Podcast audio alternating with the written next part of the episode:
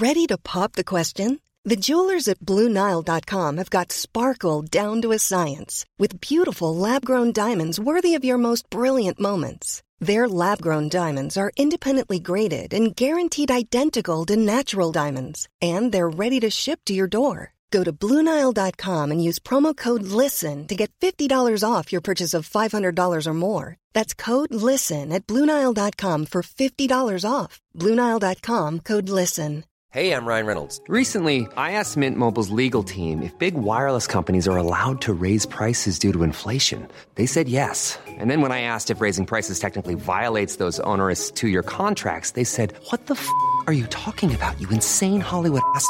F- So to recap, we're cutting the price of Mint Unlimited from $30 a month to just $15 a month. Give it a try at mintmobile.com slash switch. $45 upfront for three months plus taxes and fees. Promo rate for new customers for limited time. Unlimited more than 40 gigabytes per month. Slows. Full terms at mintmobile.com.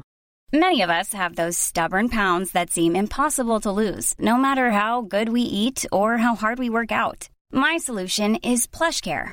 PlushCare is a leading telehealth provider with doctors who are there for you day and night to partner with you in your weight loss journey. They can prescribe FDA-approved weight loss medications like Wagovi and Zepbound for those who qualify. Plus, they accept most insurance plans. To get started, visit plushcare.com slash weight loss. That's plushcare.com slash weight loss. Palmemordet, Polisman A, del 4. Sveriges statsminister Olof Palme är död. 90 000. Ja, det är mord på Sveavägen. Hörde de säger att det är Palme som är skjuten. Mordvapnet med säkerhet är en Smith Wesson, en revolver kaliber .357. Inte ett svar. Finns inte ett svar. För jag har inget. Och jag har inte varit Varför skulle jag? Polisen söker en man i 35 till 40-årsåldern med mörkt hår och lång mörk rock. Det här avsnittet görs i samarbete med Nextory.se. Nextory.se är en tjänst för ljudböcker och e-böcker. Och om ni går till nextory.se kampanjkod och skriver koden PALME Alltså Palme P-A-L-M-E så får ni 30 dagars gratis och så hjälper ni podden. Och Nextory har bland annat eh, böcker av Gunnar Wall, bland annat historiens främsta rymningar, flyktdrömmar som blev verklighet.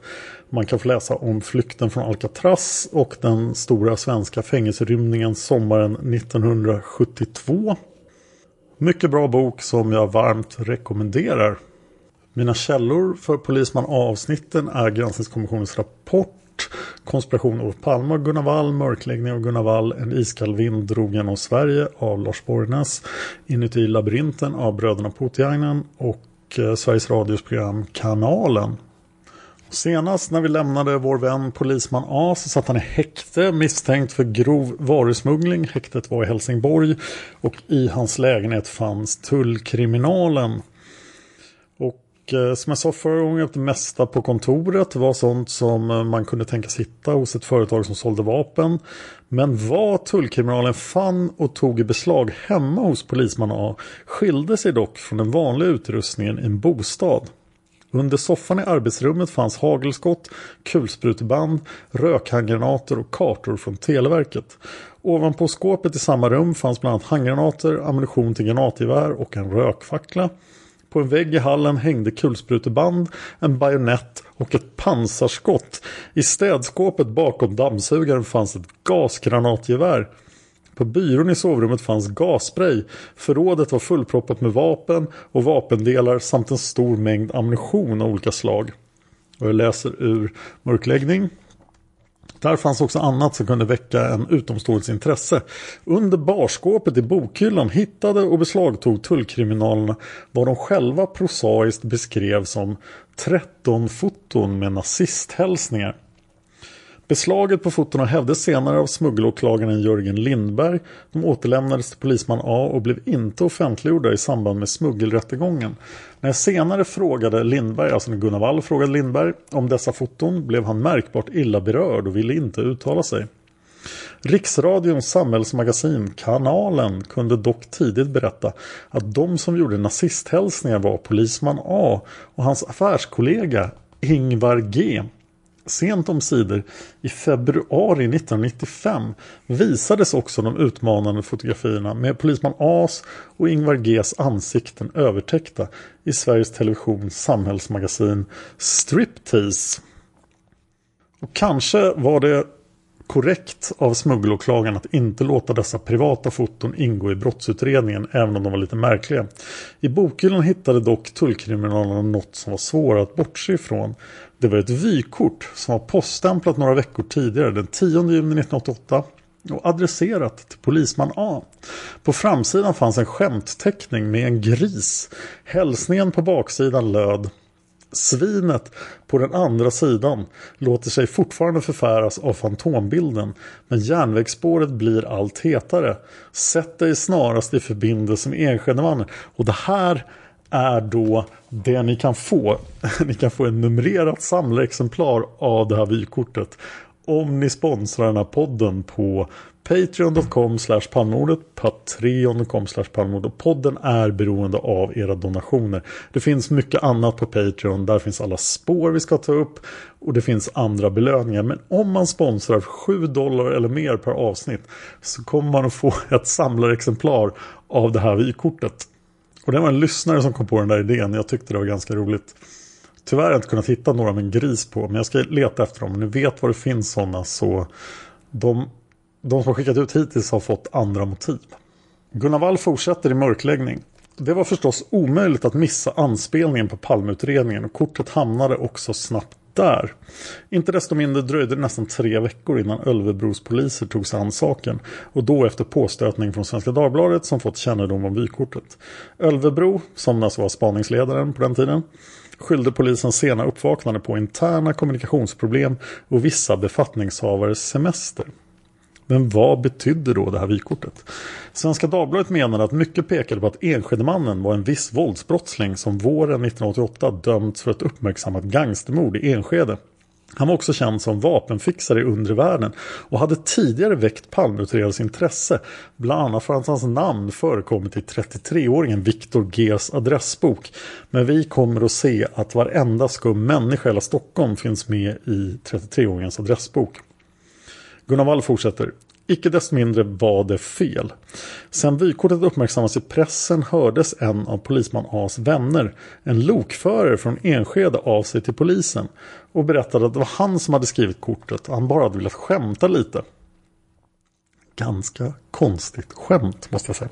Att polisman A haft en roll i Ebbe Carlssons nyligen avslöjade spaningsoperation hade lokföraren inte haft en aning om när han skickade hälsningen. Och där svalnade järnvägsspåret. Men vykortet var möjligen inte helt okontroversiellt ändå. Kanalens oförtröttlige Lars Borgnäs, alltså Lars då som var med i walkie-talkie-avsnitten, kunde senare avslöja att avsändaren hade suttit med i redaktionsledningen för den högerextrema tidskriften Kontra som en gång haft en omslagsbild med Olof Palmes ansikte insatt i en måltavla. Och jag har berättat för er om kontra i avsnitten Svensk extremhöger. Gunnar Wall fortsätter att polisman A själv varit fientligt inställd till Palme och haft tillgång till mängder av skjutvapen hade förvisso varit känt i Palmeutredningen redan tidigare. Men sedan massmedia uppmärksammat såväl hans roll i Ebbe Carlsson-affären som det förbryllande meddelandet om fantombilden så var det inte längre möjligt för Ölvebros poliser att lämna polisman A alldeles åt sidan. Och här kommer då en liten lista på allting som hittades hemma hos polisman A. Han har alltså det här i sin privata lägenhet på Södermalm. Det är fullständigt bisarrt. Okej, här kommer allting. En gasgranat, tre kulspruteband, tre rökgranater, en rökfackla, fem handgranater, åtta tårgassprayer, ett pansarskott och luftvärnsammunition, ett raketgevär, 218 askar med ammunition, en kartong hagelskott, en bajonett k-pist, precis som samurajmannen hade i första avsnittet. 20 pistoler, fyra revolvrar varav en i kalibern 38 Ingen 357 Magnum, ett pumphagelgevär, nazistkuriosa, fascistisk och nazistisk litteratur, en plastsäck från Televerket med 14 stycken fältkartor och 4 stycken nätkartor, alltså kartor över telenätet i Stockholm. Och 13 foton då där polisman A eh, heilar på olika platser. Bland annat en judisk kyrkogård och Brandenburger Tor. Plus då det här mystiska vykortet vi just pratade om. Polisman A har alltså så mycket vapen han i princip kan försvara sin lägenhet från flyganfall och stridsvagnar. Det mesta är olagligt och vapnen förvaras skarpa. Och i lägenheten hittas också en patron av typen Winchester Western kopparmantlad metal piercing ammunition till 357 Magnum. Tullen skickar all ammunition till FOA, Försvarets forskningsanläggning, för analys. Och I rapporten från FOA kommenterar laborator Bo Jansson just den här kulan av typen Winchester Western speciellt. Så citerar Bo Jansson. Denna ammunition är avsedd att genomtränga flera lager av tunnare material som bilplåt eller ballistisk kroppsskydd. Det var med en patron av denna typ som statsminister Olof Palme mördades. Och Bo Jansson har strykit under den här meningen. Han repeterar den i sin slutsats i rapporten också. Och Lars Borgnäs frågade Bo Jansson varför han strök under meningen. Varpå Bo Jansson svarade Det stämmer. Det var en patron av den typen som användes för att döda statsministern. Det är väl så att man alltid har aktuellt i huvudet, liksom det som rör mordet på statsministern. Och när jag då upptäckte den här ammunitionen och att den inte är så förfärligt vanlig så var det ett sammanträffande värt att uppmärksamma. Borgnäs frågade också Bo Jansson hur ovanlig den här ammunitionen är. Och då svarade Bo Jansson att den är inte så ovanlig men den har varit svår att få tag på i Sverige och däremot lättare att få tag på i utlandet. Borgnäs bad också Bo Jansson kommentera den övriga ammunitionen. Bo svarade att det fanns en tonvikt på ammunition som inte är avsedd för målskytte utan har andra ändamål, till exempel polisbruk. Och ett exempel på det är gasammunition. Och det här är inte ammunition som en vapenhandlare vanligtvis har hemma i Sverige. För mycket av den här ammunitionen skulle vara fullkomligt omöjlig att sälja i Sverige. Mycket av pistolammunitionen var deformerande ammunition som expanderar när den träffar. Och den är huvudsakligen avsedd för jakt. Men i Sverige är jakt med revolver eller pistol förbjuden. Man får använda pistoler eller revolver i jakt för att döda ett skadat villebråd. Men då behöver man ingen specialammunition. Bo Jansson fortsatte och förklarade att ammunitionen som hittades inte jag poängterar, den är inte av militär typ och således saknade marknad hos den svenska militären. Alltså vem skulle köpa den här ammunitionen av polisman A? Och Palmeutredningen fick inte reda på att den här kulan fanns i beslaget för en helt år senare. Däremot fick de en annan kula, en teflontoppad 357 Magnumkula.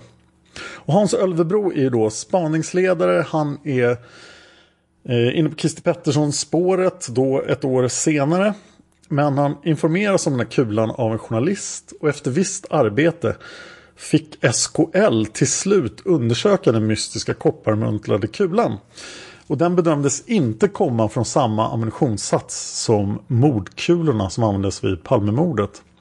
Men när den här kulan väl undersöktes, alltså den hade legat hos FOA i ett helt år och vilka som haft tillgång till den där är väldigt svårt att reda ut. Det finns ett förhör med tullen där polisman A förklarar samtliga beslag. Han har anledningar till allt. Tullen går igenom varenda sak som de hittar här och han kan svara på allt. Det enda jag hittat av det förhöret är ett axplock som kommer från användaren Natteknik på Flashback. Så beslag K2.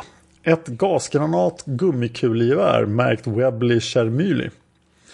Vapnet infört i landet av märkesföreträdaren och därefter utlånat till polis, eh, Stockholms polisdistrikt för prov och förevisning.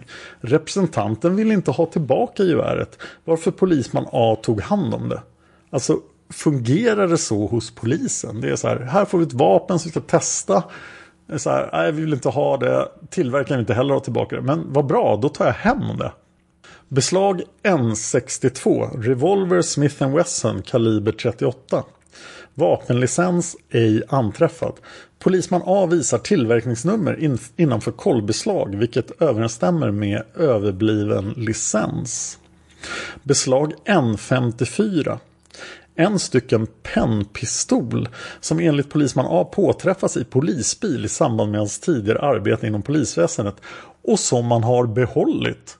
Alltså gör polisen sånt? Oj, den brottslingen tappade ett vapen. Jag tar hem det vapnet. Beslag T2.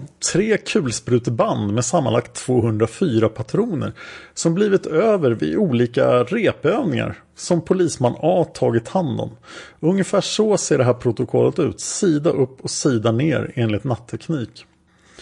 Och när polisman A fick frågan om varför han förvarade skarpladdade vapen i hemmet förklarade han att han ville vara beredd om någon med råntvång försökte bryta sig in. Han skulle då helt enkelt ta sitt vapen och göra bruk av det. Frågan är bara vilket vapen han skulle ta och hur mycket bruk han skulle göra. Jag kan tänka mig att det skulle bli ett ganska stort skottdrama om någon hade försökt bryta sig in hos polisman A. Fel kille att bryta sig in hos. Polisman A förklarade också den nazistiska litteraturen med att han hade ett väldigt stort intresse för historia och speciellt andra världskriget. Och här kommer också förvirrande nog en, eh, ett resultat från SKL men det rör alltså inte det här beslaget utan det rör provskjutning av de vapen som tillhörde polisman A, alltså det vill säga de vapen eh, som hade redovisats för tidigare. Och de kulorna visade ingen överensstämmelse med mordkulorna. Granskningskommissionen rapporterar att i juli 1988 så överklagade Ola Nilsson som var förundersökningsledare i smuggelmålet mot bland annat polisman A vidarebefordrade i juli 1988 en uppgift från en person som cirka ett halvår efter mordet hade hört ett samtal mellan polisman A och polisman B de hade sagt att de visste vem som utfört mordet men att man aldrig skulle kunna finna mördaren. Uppgiftslämnaren hördes av palmutredningen. Han uppgav då att han inte uppfattat det som att polisman A och polisman B vetat vem mördaren var. Utan snarare att de genom sina känningar i utredningen, kollegor som fungerade som livvakter åt Hans Holmér, fått insikter om vem som var mest intressant i utredningen. Förhörsprotokollet ger intryck av att uppgiftslämnaren något ville modifiera de uppgifter han enligt Ola Nilsson skulle ha lämnat till denne. Och Gunnar Wall skriver också om det här i sin bok Konspiration Olof Palme. Ett annat tips kommer in i juli 1988. Det är en notering som gjorts av åklagare Ola Nilsson. Eh, Nilsson har upprättat PM efter att ha talat i telefon med en polis som känner polisman A sedan tidigare. Polisen har berättat att han själv ett halvår efter mordet var befäl på en radiobil när han fick uppdrag att ta en transport från polishuset till amerikanska ambassaden. De som skulle transporteras visade sig senare vara polisman A och polisman B. Båda var civilklädda, upprymda och nyktra. De sa att de visste vem Palmes mördare var och att det aldrig går att få reda på mördaren. Och det sades på ett rått sätt. Och båda poliserna är kända för att hata Palme. Ola Nilsson skriver att uppgiftslämnaren menar att det kan ligga någon sorts verklighet bakom det polisman A och polisman B har sagt. Och Uppgiftslämnaren är orolig för att hans namn ska komma ut. På fråga från Ola Nilsson säger uppgiftslämnaren att personkretsen i den piketgrupp som polisman A tjänstgjorde i består av bruna till mörkblå personer och att polisman A och polisman B är värst. Och en påminnelse då är att polisman B är alltså han som arrangerade de här herrmiddagarna i Gamla stan. Och Gunnar Wall fortsätter. Samma månad i juli 1988 kommer in ett tips från en taxichaufför. Och taxichauffören berättar att han plockade upp polisman A och en annan man i korsningen Malmskillnadsgatan Mäster Samuelsgatan fyra, fem minuter efter mordet på Olof Palme. Uppgiftslämnaren säger att han tagit kontakt med polisen vid två tidigare tillfällen men att han inte blivit kontaktad tillbaka. Och granskningskommissionen säger om den här då väldigt händelserika julimånaden 1988. Den fjärde utredningsomgången mot polisman A utlöstes av den så kallade Ebbe Carlsson-affären. Ett flertal tips kom då in som ett resultat av uppmärksamheten kring bland annat polisman A. Polisman A hörde särskilt om ett vykort med en gåtfull text. Vykortet hade beslagtagits hos polisman A tillsammans med vapen, ammunition och bilder av polisman A där han utförde nazistiska symbolgester. Ett av hans vapen provsköts. Palmeutredningen övertog flera av de beslag tullen hade gjort hos polisman A. I denna veva hålls även ett förhör med polisman A. I protokollet uppges att förhöret är en komplettering till ett förhör som hade hållits två år tidigare. Palmeutredningen intresserade sig åter för polisman A's alibi. Sen kommer en rubrik Ebbe Carlsson-affären. Som framgår på annat ställe var polisman A involverad i den så kallade Ebbe Carlsson-affären, säger granskningskommissionen.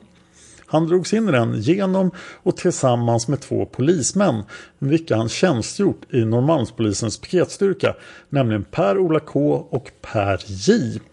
Polisman A åtalades därvid i juni 1989 för varusmuggling, valutabrott och olaga vapeninnehav efter att under månadsskiftet juni-juli året innan ha varit anhållen i två dagar. Domens bakgrund var för polisman A's del att han i april 1988 hade kontaktats av sin förre kollega Per-Ola K. Som då hade i uppdrag att i tjänsten på olika sätt biträda Ebbe Karlsson. Polisman A hade i ett tidigare skede av Palmeutredningen levererat vapen med mera till Per-Ola K. Då på Hans Holmers uppdrag.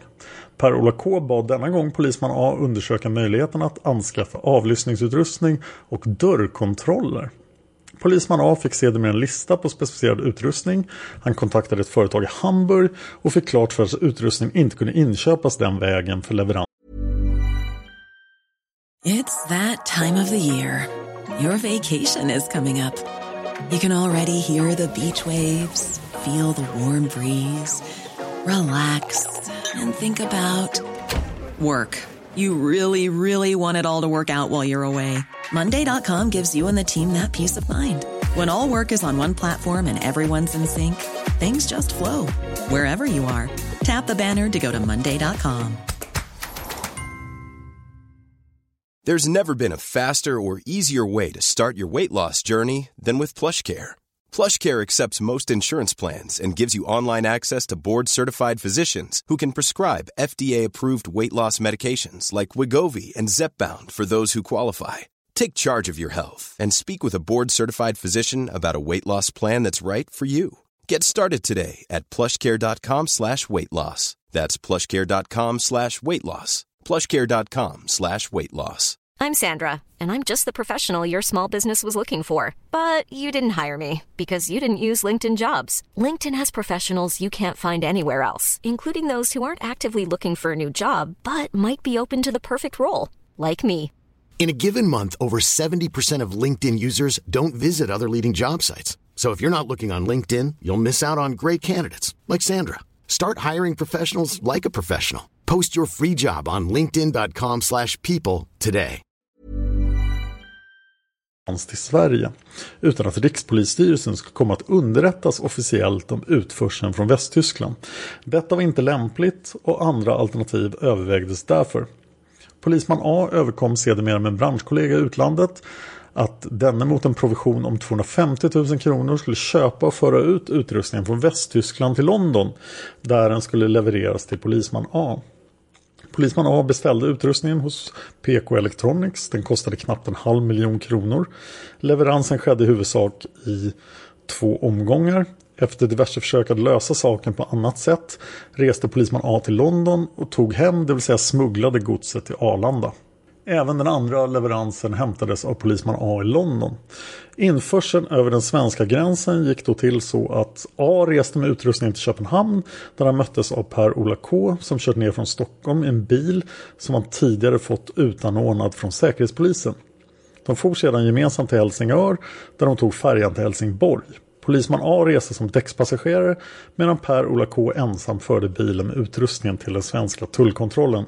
Avsikten var att de två skulle förenas på andra sidan och fortsätta tillsammans i Stockholm. Per-Ola K blev emellertid föremål för kontroll i tullen och varusmugglingen avslöjades. När Per-Ola K inte dök upp tog polisman A sig på egen hand i Stockholm och detta var den 1 juni 1988. Granskningskommissionen fortsätter.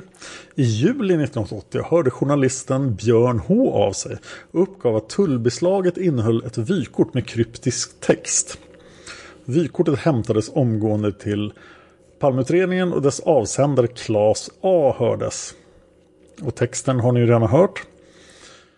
Eh, dennes sambo hördes samma dag för kontroll av Claes A's alibi. Det framgår i uppslaget att Svenska Dagbladet innehållit en artikel om vykortet samma dag som tipset kom in och att Claes A i anledning av detta hört av sig till polisen. Dagen efter hördes polisman A om vykortet och förhörsvittnet vid detta tillfälle var polisman B. Polisman A var vid detta tillfälle anställd hos Protector AB, vilket synes ha varit hans eget företag. Inget av värde framkom. Vykortet tycks ha varit ett privat skämt.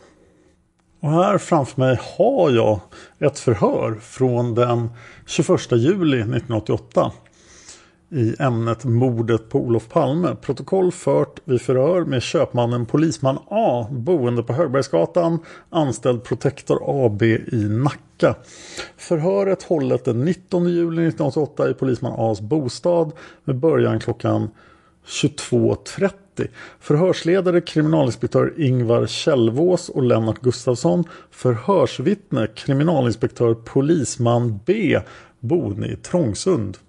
Förhörsvittnet har påkallats av polisman A. Polisman A informeras att han ska höras med anledning av ett vykort beslagtaget i hans bostad i samband med tullens husrannsakan. Polisman A uppger att han inte har någon aning om vad det är för slags vykort förhörsledaren pratar om. Förhörsledaren kommer nu att läsa upp texten på detta kort. Svinet på den andra sidan låter sig fortfarande förfäras av fantombilden när järnvägsspåret blir allt hetare. Sätt dig snarast i förbindelse med Enskedemannen. Polisman A uppger att när han har hört texten läsas upp säger att det säger honom ingenting. För att kunna klarlägga ytterligare vill han se vykortet. Polisman A uppger att det måste vara någon slags missförstånd. Och han säger återigen att ska han kunna komma ihåg det så måste han se framsidan. Polisman A vill höra texten återigen läsas upp. Förhörsledaren läser upp det för polisman A. Efter det att förhörsledaren läst texten återigen kan fortfarande inte polisman A förstå någonting av det hela. Förhörsledaren berättar nu för polisman A vad vykortets framsida föreställer. Nämligen en sugga med 6 till 8 bröst. Polisman A börjar då att komma ihåg vad det hela rör sig om och frågar då hur länge vykortet har varit i våran kännedom. Och det hela måste vara ett stort missförstånd. Och polisman A säger att det vykort som kommit till de senaste tre månaderna. Förhörsledaren upplyser nu polisman A om att kortet är avstämplat i Stockholm, Hammarby den 10 juni 1988. Polisman A säger då att han vet vem som har skickat vykortet och det hela är ja en anka den som skickar brevet är en man vid namn Censur, därvid censur till yrket. Censur ska bo på censur. Polisman A tillfrågas om anledningen till att censur skickat detta brev till honom. Polisman A svarar då att det har ingenting med Palmeutredningen att göra. Polisman A tillfrågas om vad ordet fantombilden betyder i brevet. Polisman A säger att eh, det får jag fråga censur om för en följd av den allmänna situationen i samhället och att det är en följd av de sista två årens händelser i Sverige. Polisman A tillfrågas hur väl han känner censur. Han säger då att censur är en gammal skolkamrat och god vän och är det fortfarande. De håller kontakt med varandra både oregelbundet och regelbundet. Bland annat skickar de julkort till varandra. Polisman A tillfrågas om censur har skickat något liknande vykort. Polisman A säger då att han inte har fått något kortbrev från censur som rör Palmeutredningen. Polisman A tillägger här att vykortet som han är hörd om idag har absolut ingenting med Palmeutredningen att göra. Polisman A tillfrågas om han kände till brevet vykortet vid att det var beslagtaget. Polisman A svarar då att han inte visste om det på grund av att husrannsakan beslagstog så stort antal punkter att han är svårt att överblicka detta. Polisman A är nu absolut säker på att han vet vilket vykort förhörsledarna pratar om och får han se det hela är han övertygad om att han kommer känna igen det. Polisman A tillfrågas om han varit i kontakt med censur efter det att han har fått vykortet. Han säger då att han har varit i kontakt med honom men de har inte alls berört vykortet på något sätt. Anledningen till att det inte har berörts beror på att polisman har arbetat mycket och den senaste tidens händelser kring hans person. Polisman A tillfrågas om han har tänkt någonting på textens innehåll. Textens innehåll kunde han inte alls förstå och han skickar själv udda vykort, dock ej med motsvarande text. Polisman A tillfrågas om orsaken till att han kunde förstå att det var censur som skickat vykortet. Han säger då att med hjälp av framsidan, dess motiv och underskriften Enskedemannen kunde han förstå att det var censur som skickat vykortet. Polisman A tillfrågas nu var eh, censur befinner sig nu. Han säger då att det kan man inte svara på för han har oregelbunden arbetstid och arbetsplatser. Senast han träffade honom var för cirka en vecka sedan i Censurs bostad i Censur. Förhörsledaren jag frågar dig då, polisman A, du har hört vad jag har dikterat in på bandet här. Vill du ha bandet uppspelat? Polisman A svarar No sir, för helvete. Förhörsledaren, du godkänner bandet som det är. Polisman A svarar Yes sir. Då avslutar vi förhöret klockan 23.08 Stockholm den 19 juli 1988 Ingvar Källvås, kriminalinspektör. Och så hade vi då det här lilla tipset från taxichauffören. Taxichauffören har alltså sagt att han plockade upp polisman A och en annan man fyra fem minuter efter mordet i korsningen Malmskillnadsgatan Mäster Samuelsgatan.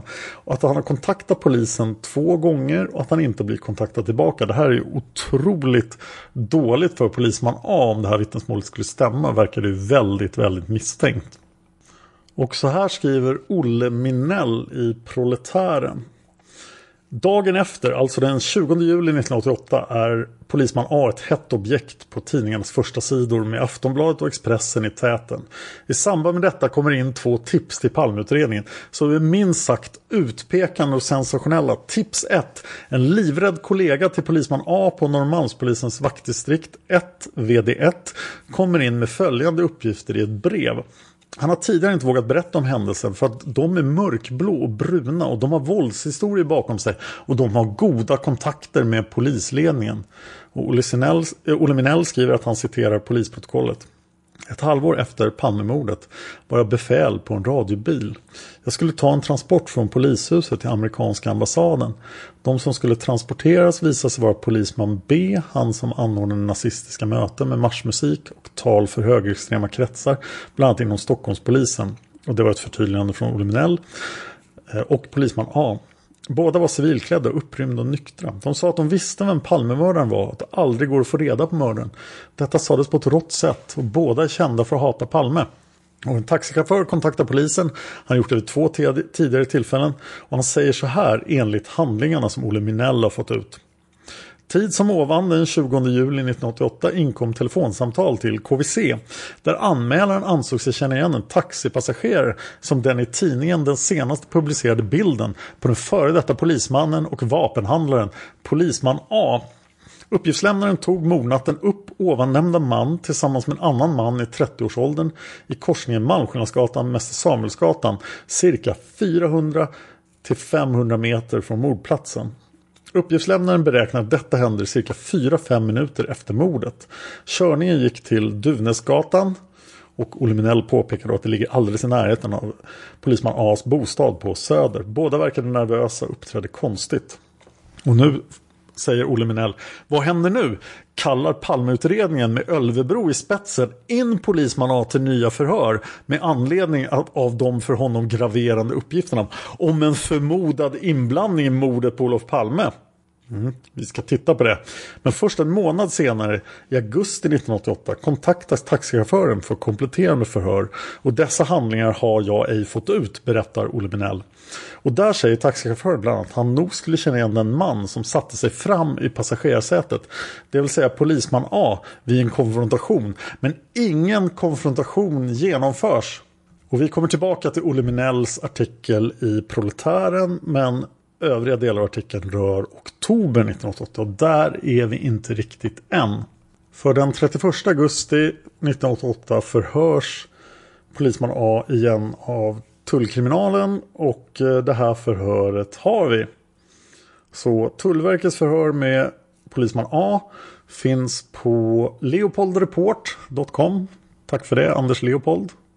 Tullverket Swedish Customs, biträdande chef, Deputy Director, KC Gränsskydd Malmö, Center of Excellence, Anti-smuggling Malmö. Avskrift av faktura utställd på Sydafrikanska ambassaden, Embassy of South Africa, Hamburg, augusti 31 augusti 1988.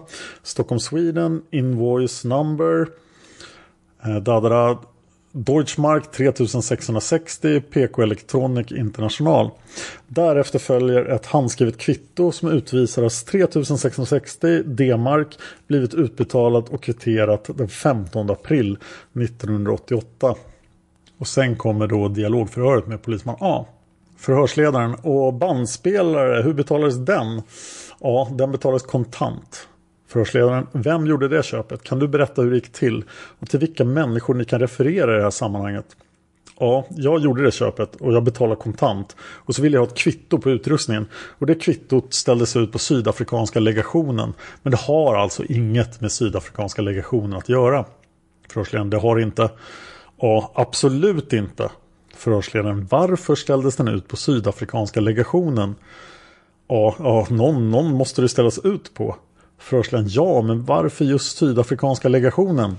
Ja, det kunde lika gärna varit något annat. Förhörsledaren, visar upp någon form av handling som styrkte att du var knuten till ambassaden?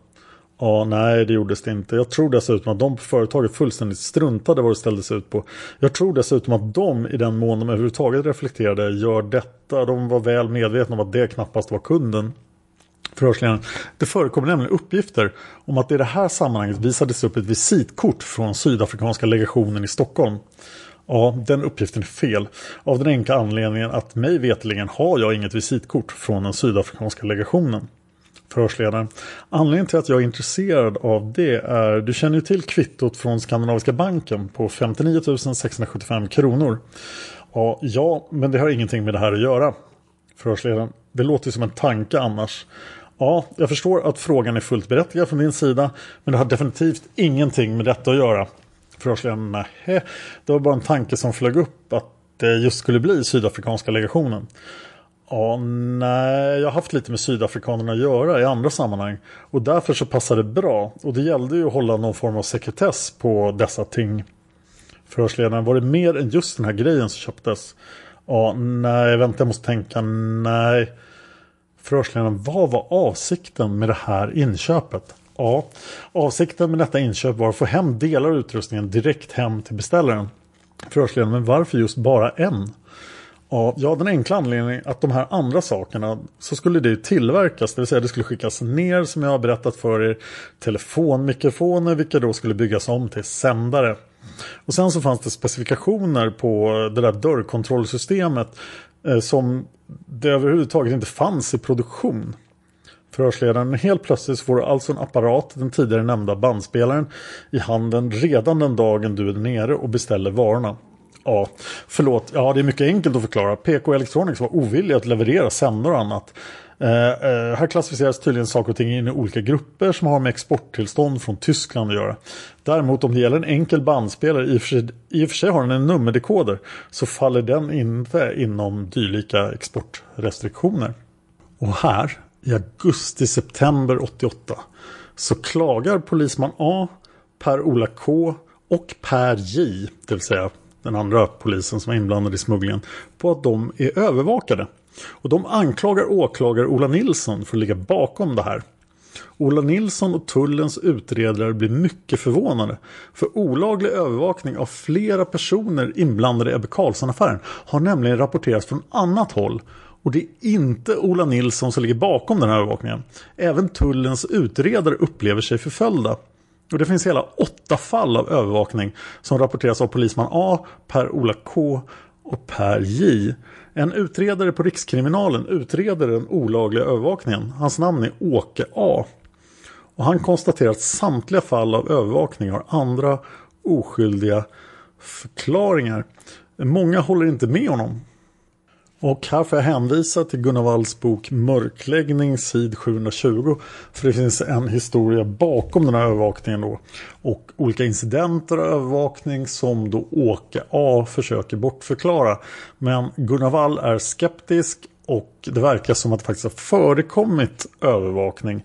Men vem som övervakade båda sidorna i tullens förhör med polismännen är ett mysterium än idag. Och i nästa avsnitt kommer Palmeutredningen att försöka grilla polisman A om sitt alibi och vilka han träffade under mordkvällen igen. Om ni lyssnar på den här podden på en Apple-plattform så är jag väldigt tacksam om ni ger iTunes-recensioner. Jag kommer att läsa upp de iTunes-recensionerna i podden. Det brukar vi göra ungefär en gång var fjärde, sjätte vecka. Så jag samlar ihop några när jag gör det. Men jag är väldigt tacksam för dem.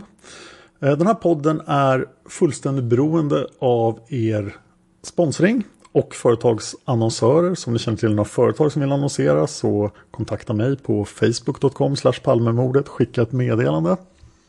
Om ni personligen vill sponsra podden med en summa per avsnitt. Jag rekommenderar kanske 2 dollar per avsnitt. Får jag två latte i månaden. Då kan ni göra det på patreon.com palmemordet. Patreon.com palmemordet. Och om ni tycker Patreon är jättesvårt så går det bra med Swish. Skicka i så fall ett meddelande på facebook.com palmemordet så får ni mitt nummer. Men Patreon är bättre än Swish. Och inte bara för att ni då om ni sponsrar med 7 dollar per avsnitt får ett mystiskt vykort på posten som kommer att göra er helt förbryllade. Palmemordet finns på YouTube. Alla avsnitt finns på YouTube. Har ni någonsin problem med något avsnitt i er podcastklient så gå till YouTube. Där finns även diverse andra filmer som jag tagit på mordplatsen tillsammans med Erik och filmerna från Palmevandringen. Och när ni sponsrar Palmemordet så hjälper ni mig att fortsätta min dröm. För jag har sedan 1 juli 2015 levt på att göra åtta podcaster och en YouTube-kanal är det just nu. Och om ni vill lyssna på något mer jag gör så ska jag rekommendera min podd Gympodden. Den går till så att jag och en gymägare som heter Anna Nordström som driver gymmet Rehabmagasinet i Söderhamn. Vi pratar träning och Anna försöker få mig i form. För jag har ju suttit alldeles mycket vid datorn och pratat och researchat och behöver komma i form. Det här har vi sysslat med sedan nyår och eh, det börjar ge vissa resultat. Då, så att, eh, vill ni få inspiration för er träning om ni känner att ni också är någon som sitter för mycket framför datorn och behöver komma igång så är det här en träningspodd för vanliga människor. Inga fitnessatleter, inga bodybuilders sånt. Träning för vanliga människor. Gympodden finns på Youtube och iTunes. Och tack för att ni lyssnar på Palmemordet. Man hittar Palmes mördare om man följer PKK-spåret till botten. Därför att ända sedan Julius Caesars tid har det aldrig hört talas om ett mord på en framstående politiker som inte har politiska skäl. Polisens och åklagarens teori var att han ensam hade skjutit Olof Palme. Och det ledde också till rättegång. Men han frikändes i hovrätten.